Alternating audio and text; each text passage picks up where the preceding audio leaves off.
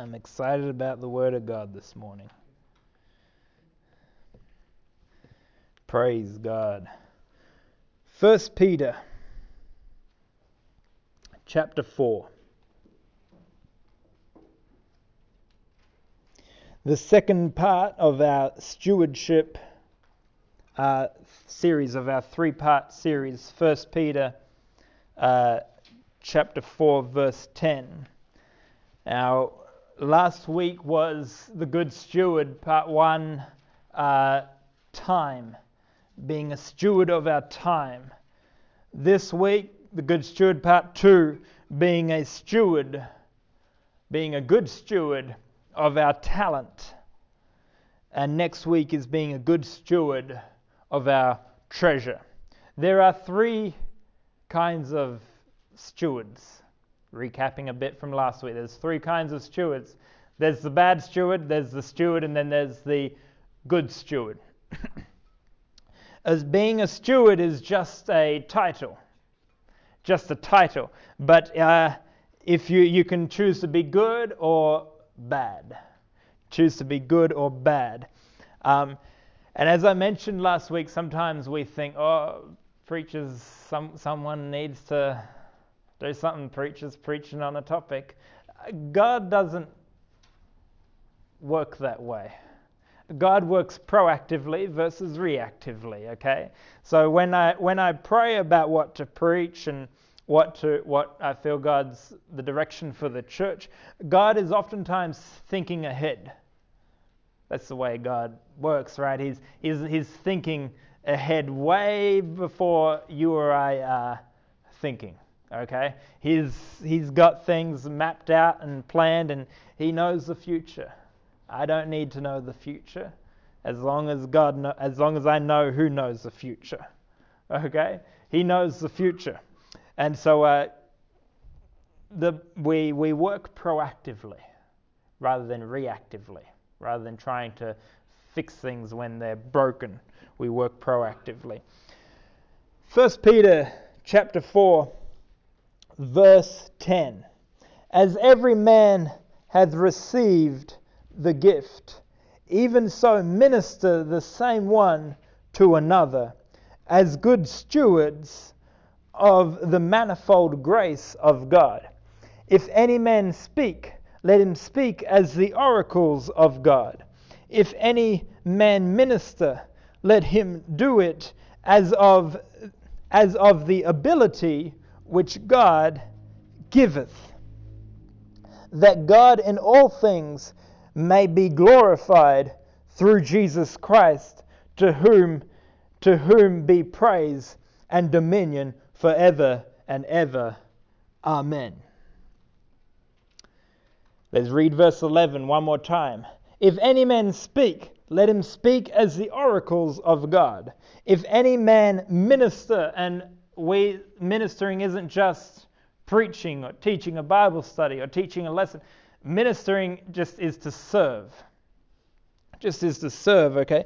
Let him do it as the as of the ability which God giveth, that God in all things may be glorified through Jesus Christ, to whom be praise and dominion forever and ever. Amen. Do it according to the ability that you've been that you've been given. Where do our where do our gifts? I'm going to use the word gifts and talents uh, kind of interchangeably. Okay, where do they come from? Where do our gifts come from? Is the the first thing that we need to uh, to focus on. James 1 uh, 17 says, Every good and perfect gift comes from above. God gives us our gifts. Now, if God is a proactive God, and He is a proactive God, that's a rhetorical question. If God is a proactive God, He is thinking ahead. But your gifts are put inside of you, your talents are put inside of you from birth. Is thinking ahead. God is a proactive God. Okay? Your talents and your gifts, uh, He has given you for a specific reason. your abilities, He has given you for a specific reason, for, to, for, for a task. He's given you talents. Everyone, everyone is given a gift. We all have gifts. We all have talents. My mum always said I was special. Here we go, somebody got it. we, we all have talents, we all have gifts, okay? We all have things that we're good at, that we're strong at, that, uh, that are our strengths. God hasn't just said, well, there's no hope for you. Everyone has been given gifts and talents. God, God does not do copy and paste jobs. Okay? God doesn't do copy paste. Okay? I like copy paste, it saves my fingers from all the typing. But God doesn't do copy and paste. We are all made unique. We're all fearfully and wonderfully made, the scripture says. We're all made, imago Dei, in the image and likeness of God. We're all made in His image. We are all made with gifts and talents that are given by God. We all have them. We all have them. They're unique, they're different, they're special to us. Uh, they're, they're our own unique giftings and our own unique talents. But too often, too often we look at just the surface of talent. And we see just the surface, just the very surface of talent. We don't look any further than, we don't look any deeper than just the surface. You know, someone draws really well, they're, they're, they're an artist. They're, re- they're really talented in that. I, I like to watch some sports and stuff, and you hear them throw the word talented around a lot. They're talented with this. They're talented in their footwork. They're, they're talented in this or, or that or the other thing. Uh, they're, they're really talented. And that is touching just the surface. That's just the surface of the talent. That's, that's not digging any, uh, any deeper. So, what are, what are our gifts for? What are our gifts for? What are our talents for? If, if God's given them to us, what are they for? What, what, why has God given us our giftings and our talents? Why are we good at certain things and, and, and not good at other things? There's things that all of us are not good at as well, in case you're wondering. I do not play the keyboard. I'm just not good at it. okay? Um, but there's things that, so what are our gifts for? What are they for? They are to be used in the kingdom of God. They're to be used in the church, in the kingdom of God.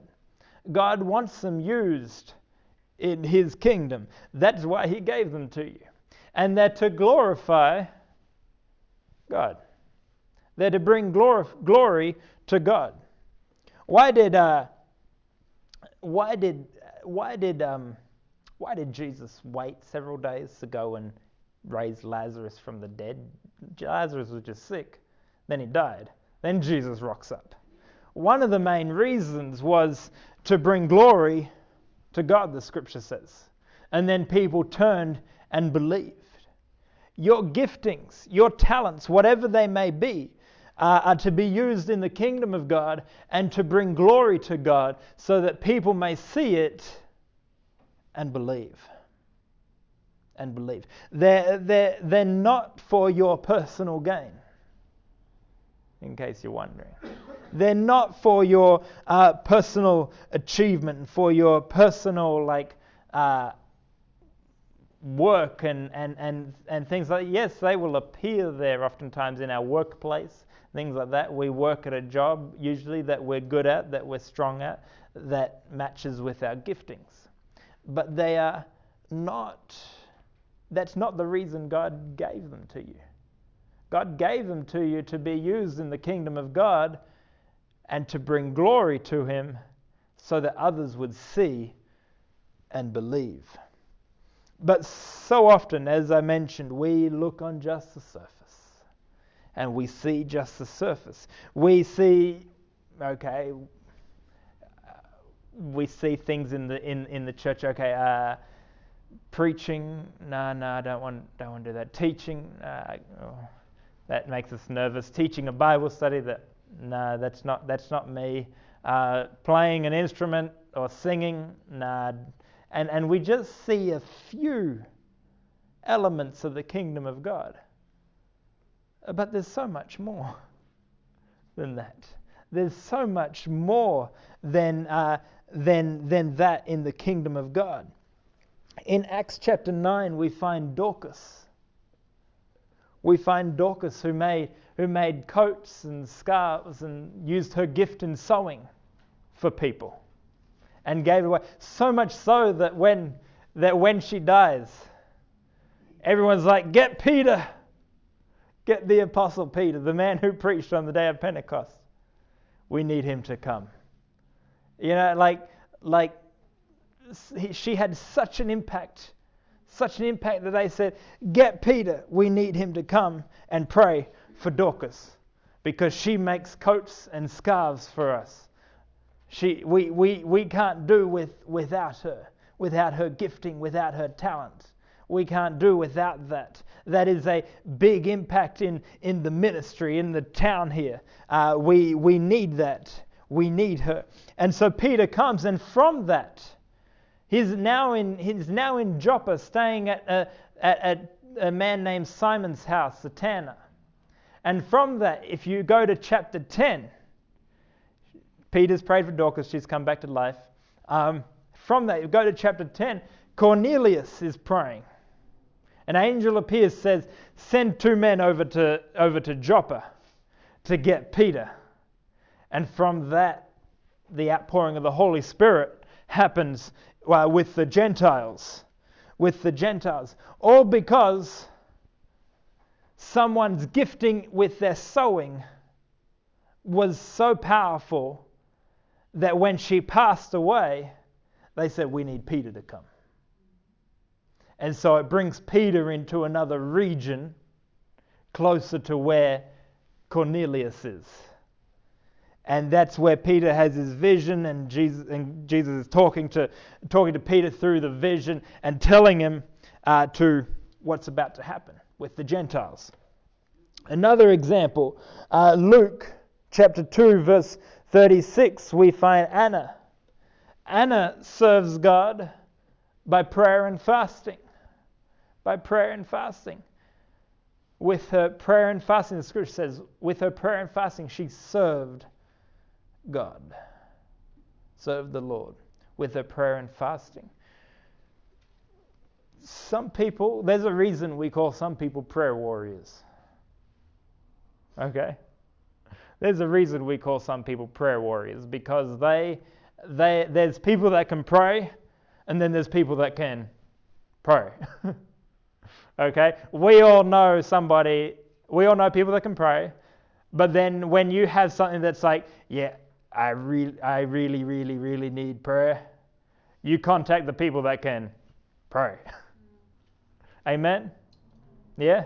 You contact, and oftentimes it's, it's, it's, it's, it's grandma or it's, it's the mum or, or it's, it's, oftentimes it is ladies that, uh, that tap in, that tap into that spiritual element where they don't even know what they're praying for they just know there's something happening in the spiritual world that needs prayer. And so, and so Anna, the gifting of her prayer and fasting, her talent, that was a, that's a talent. Many people can pray, many people can fast. A lot of people struggle to do both together. You know I'm saying the truth. A lot of people struggle to do praying and fasting at the same time. But uh, Jesus said these things come not out but by prayer and fasting. There are certain things that only prayer and fasting can unleash. And this isn't, I'm not preaching about prayer and fasting, but prayer connects you with God and fasting disconnects you from the flesh.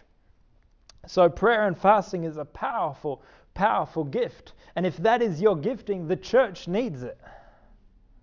The church needs it. We need prayer warriors. We need people that can fast. That that is what God has gifted them with. I know a couple people that have fasted 7, 7 14, 21 days with just drinking water.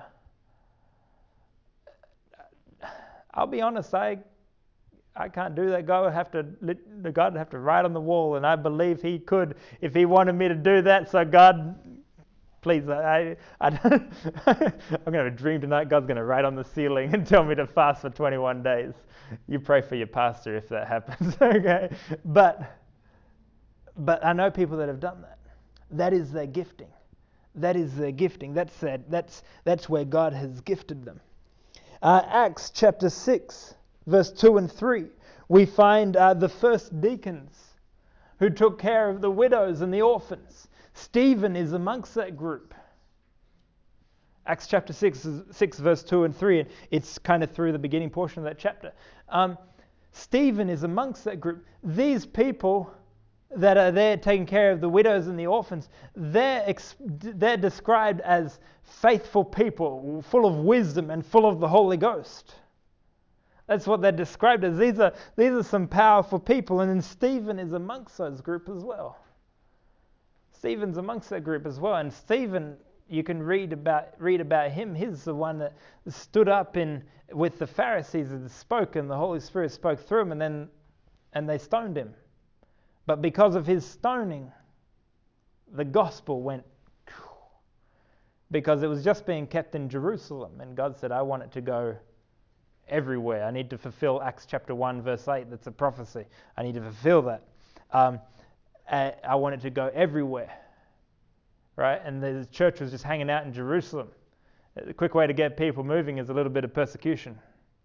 And so Stephen got stoned, and then the church just scattered and went everywhere and took the gospel with them. And so, talents, giftings, these things are, there's, there's so much more. There's so much more than just preaching, teaching, singing, and playing the keyboard. There's, there's so much. Can I, can, I, can I tell you something? We've started this like tea and coffee and fellowship afterwards. It's such a blessing that really I don't, I don't talk to anyone about who's bringing what.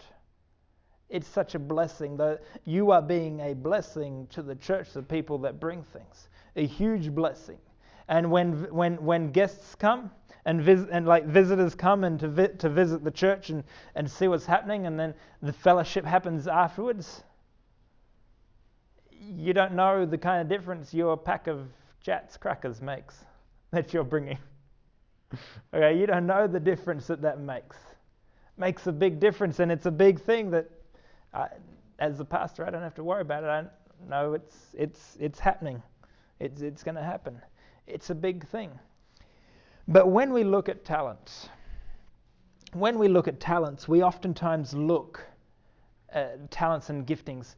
We say, okay, that person can draw really well, or that person, you know, really good at soccer. Uh, my name goes to Brother Kabbalah would know him, Paul Pogba. Um, he's a good soccer player, um, you know, and a good striker. Uh, can shoot the ball really well, and they'd say he's talented in that. That is actually a bit of a it's a it's a misunderstanding of the word talent and gifting, especially when uh, looking at Scripture. It's a bit of a it's a it's a bit of a misunderstanding.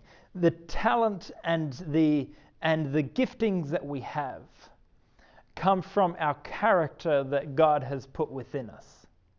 Right? They do we are not talented in a certain area just because we're randomly good at kicking a soccer ball. Okay?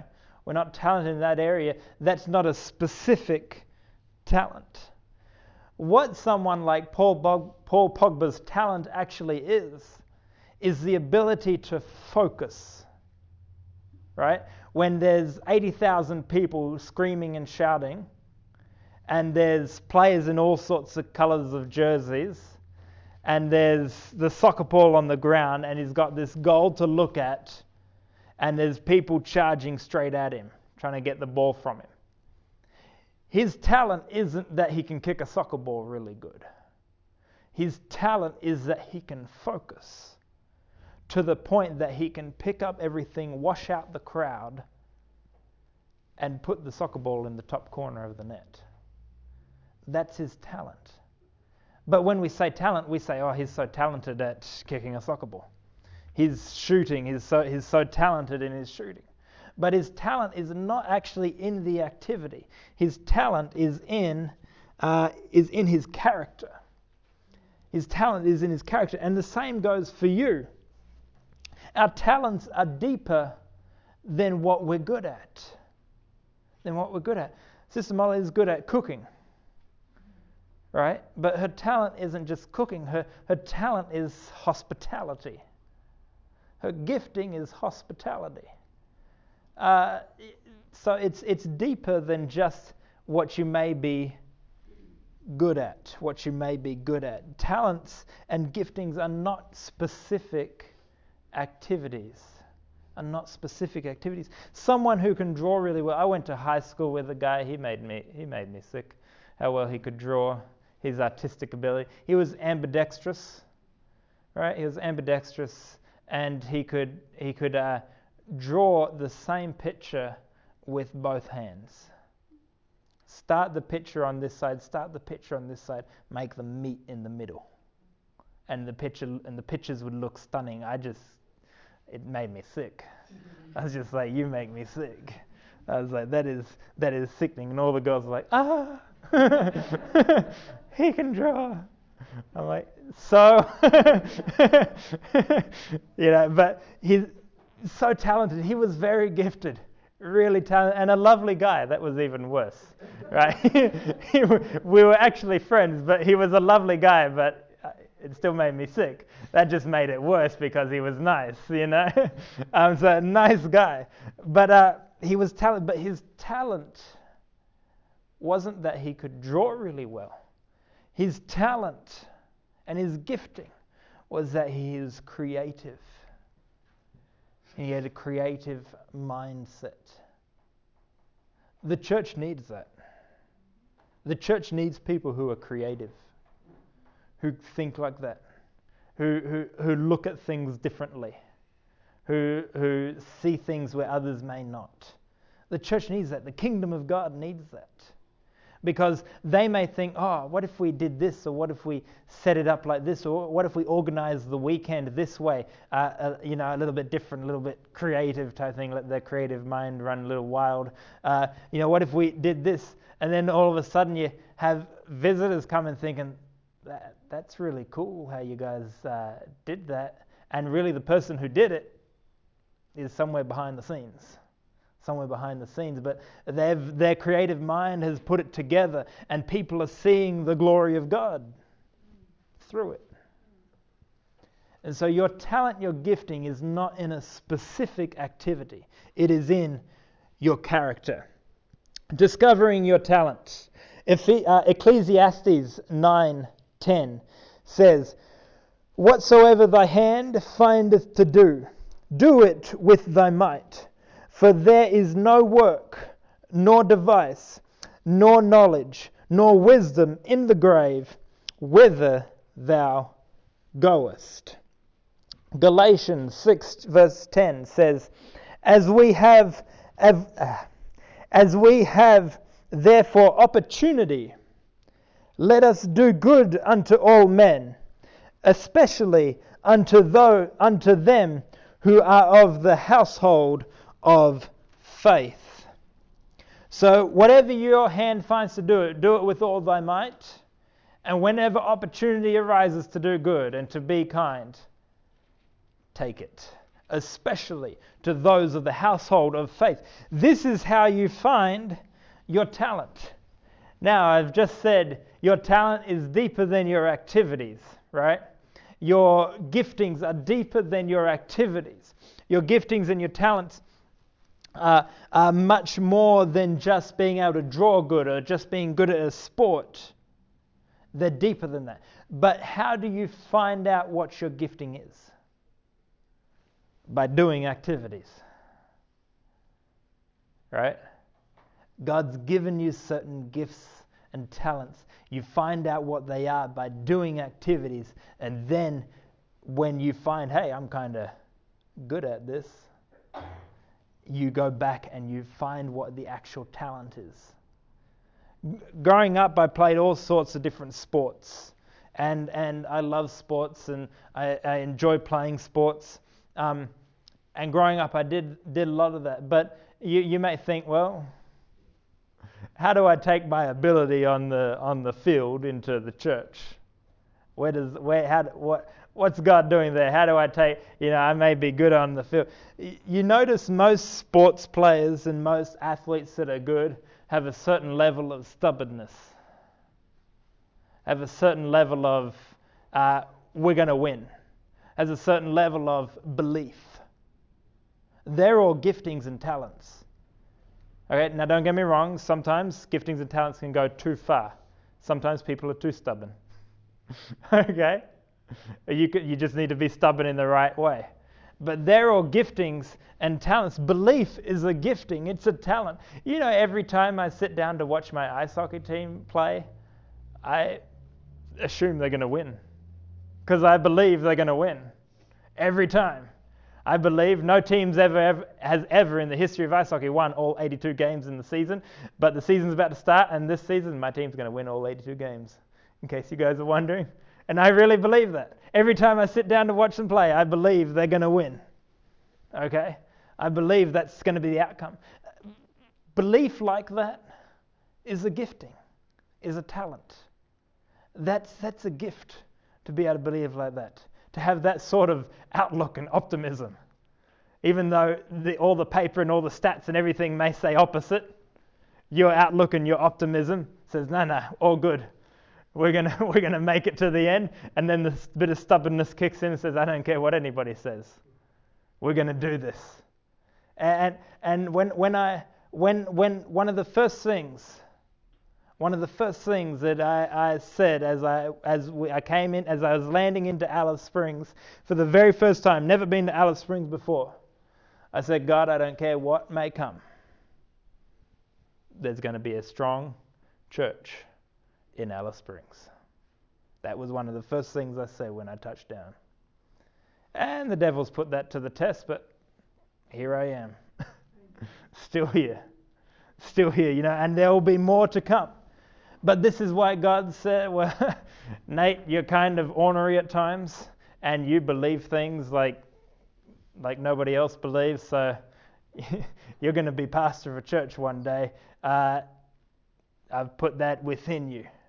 But that's how you take something. You know, you may be good at kicking a soccer ball, but that's with a real talent. You can take that. Okay, so I'm good at this, and you can take that and bring it into the deeper meaning. And once you find the depth of your talent and the actual fact of your talent, the truth of your talent, you will then find where it applies in the kingdom of God. In the kingdom of God.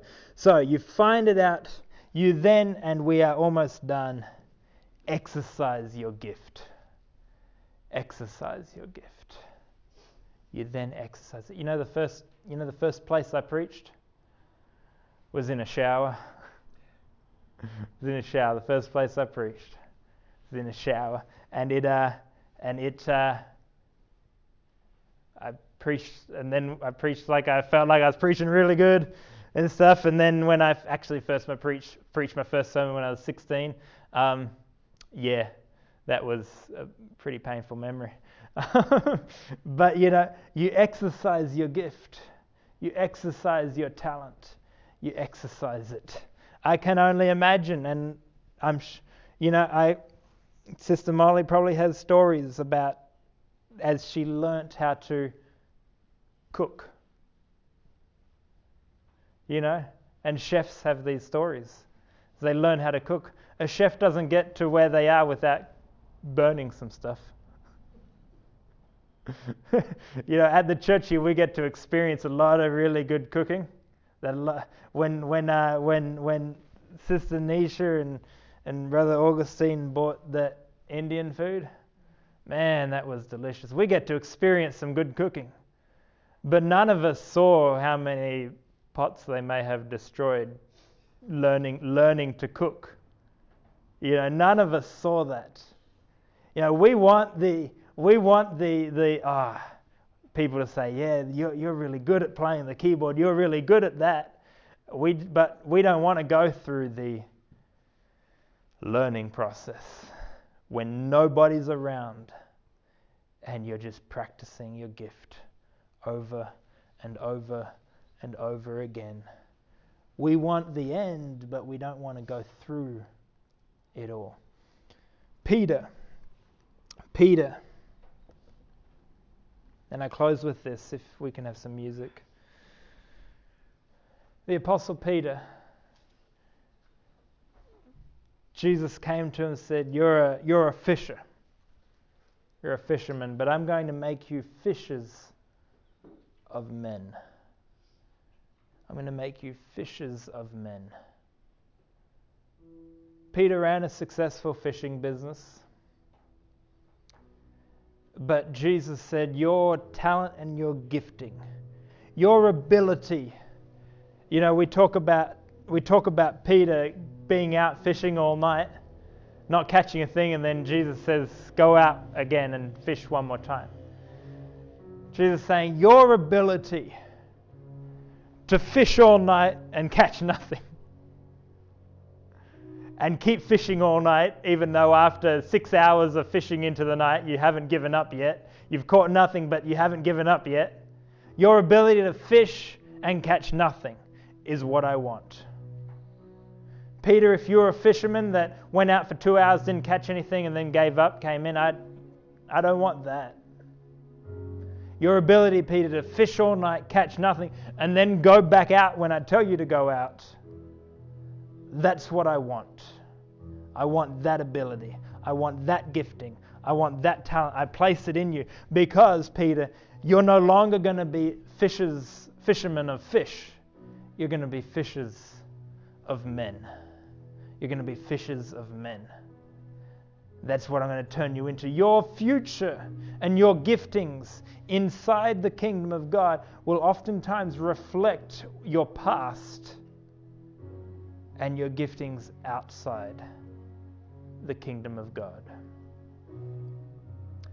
That's how it works. And then for three years, Peter followed Jesus. He wasn't perfect. He cut off a soldier's ear, but that's just the mentality that Peter had. He said he basically, "Come get Jesus, I'll take on the whole Roman army." That's kind of that's how Peter was. He says, "Jesus, if that's if that's you, say come, and I'll come to you on the water." Jesus says, "Come," and Peter's the guy that jumps out the boat. When they say, "You were with Jesus," Peter's the guy that says, "No, I wasn't. I don't know who Jesus is. I've been living under a rock." I don't know who he is. I don't know who this Jesus is. The man that did all that in his exercising, in his training, was the same man that they said, Are these people drunk? The same man that stood up and said, No, no, these people aren't drunk as you suppose. But this is that that the prophet Joel spoke about. That one day I will pour out upon all flesh the Holy Spirit. This is, this is what pro- the prophets used to speak about. And so, brothers and sisters, your giftings, your talents, the things God has given you is not to be used just, uh, just in the world, just in your workplace, but the church needs them. They're to be used in the kingdom of God, they're to be used to bring glory to God. And if you're searching for fulfillment, that is the only place you will find true fulfillment. Yes, I love my job and I use my giftings and my talents in my job, but my fulfillment and where I get my purpose from is using my talents and my giftings in the church, in the kingdom of God. Let's stand together this morning, brothers and sisters. Whatever your talent is, whatever your gifting is, if you're not sure what it is, discover it. Find it. The church needs it. The church needs your gift.